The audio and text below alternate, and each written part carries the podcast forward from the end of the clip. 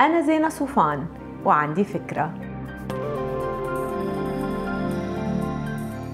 هاي في إشارات متفق على إنها دليل إنه لازم يمكن نبلش نفكر نغير شغلنا.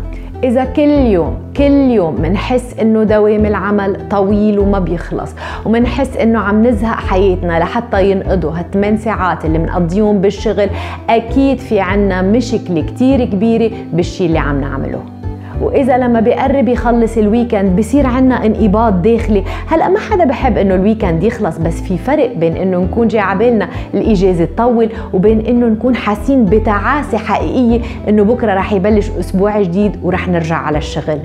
كمان إذا ما بنتذكر إمتى آخر مرة تكسبنا مهارة جديدة عرفنا معلومة جديدة تعلمنا حسينا بالرضا من إنجاز عملناه أكيد معناتها هيدي إشارة كتير سيئة ولازم نبلش نفكر شو هي المشكلة بالشغل اللي عم نعمله.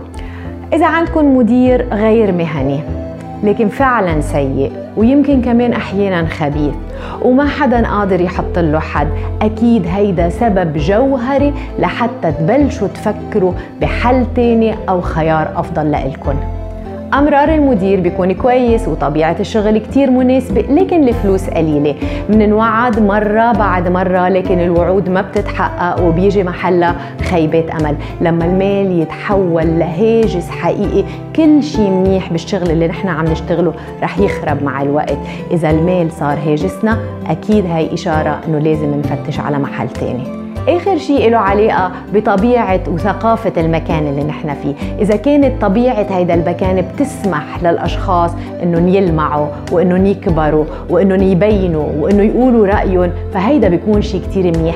لكن لما منحس إنه لازم نوزن كل كلمة بنقولها وننتبه على كل خطوة بنعملها لأنه ممكن تحسب ضدنا أو ممكن ندفع ثمنها غالي يمكن لازم نبلش نفكر إنه نحن بمكان ما بينتمي للعصر اللي نحن فيه ونفتش على مكان بيقدر يحتضننا ويحتضن طموحاتنا بشكل أكبر. اليوم أكيد هيدي مش دعوة للاستسهال وترك الشغل عند أول مشكلة ابدا. لما تواجهنا إشارات من النوع اللي ذكرناه لازم نحاول إنه نصلح الوضع من جوا.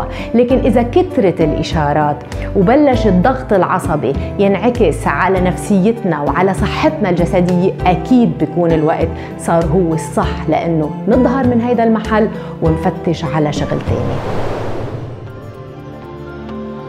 ما تنسوا تعملوا download للفكرة تعطوها rating وتساعدوني بنشره.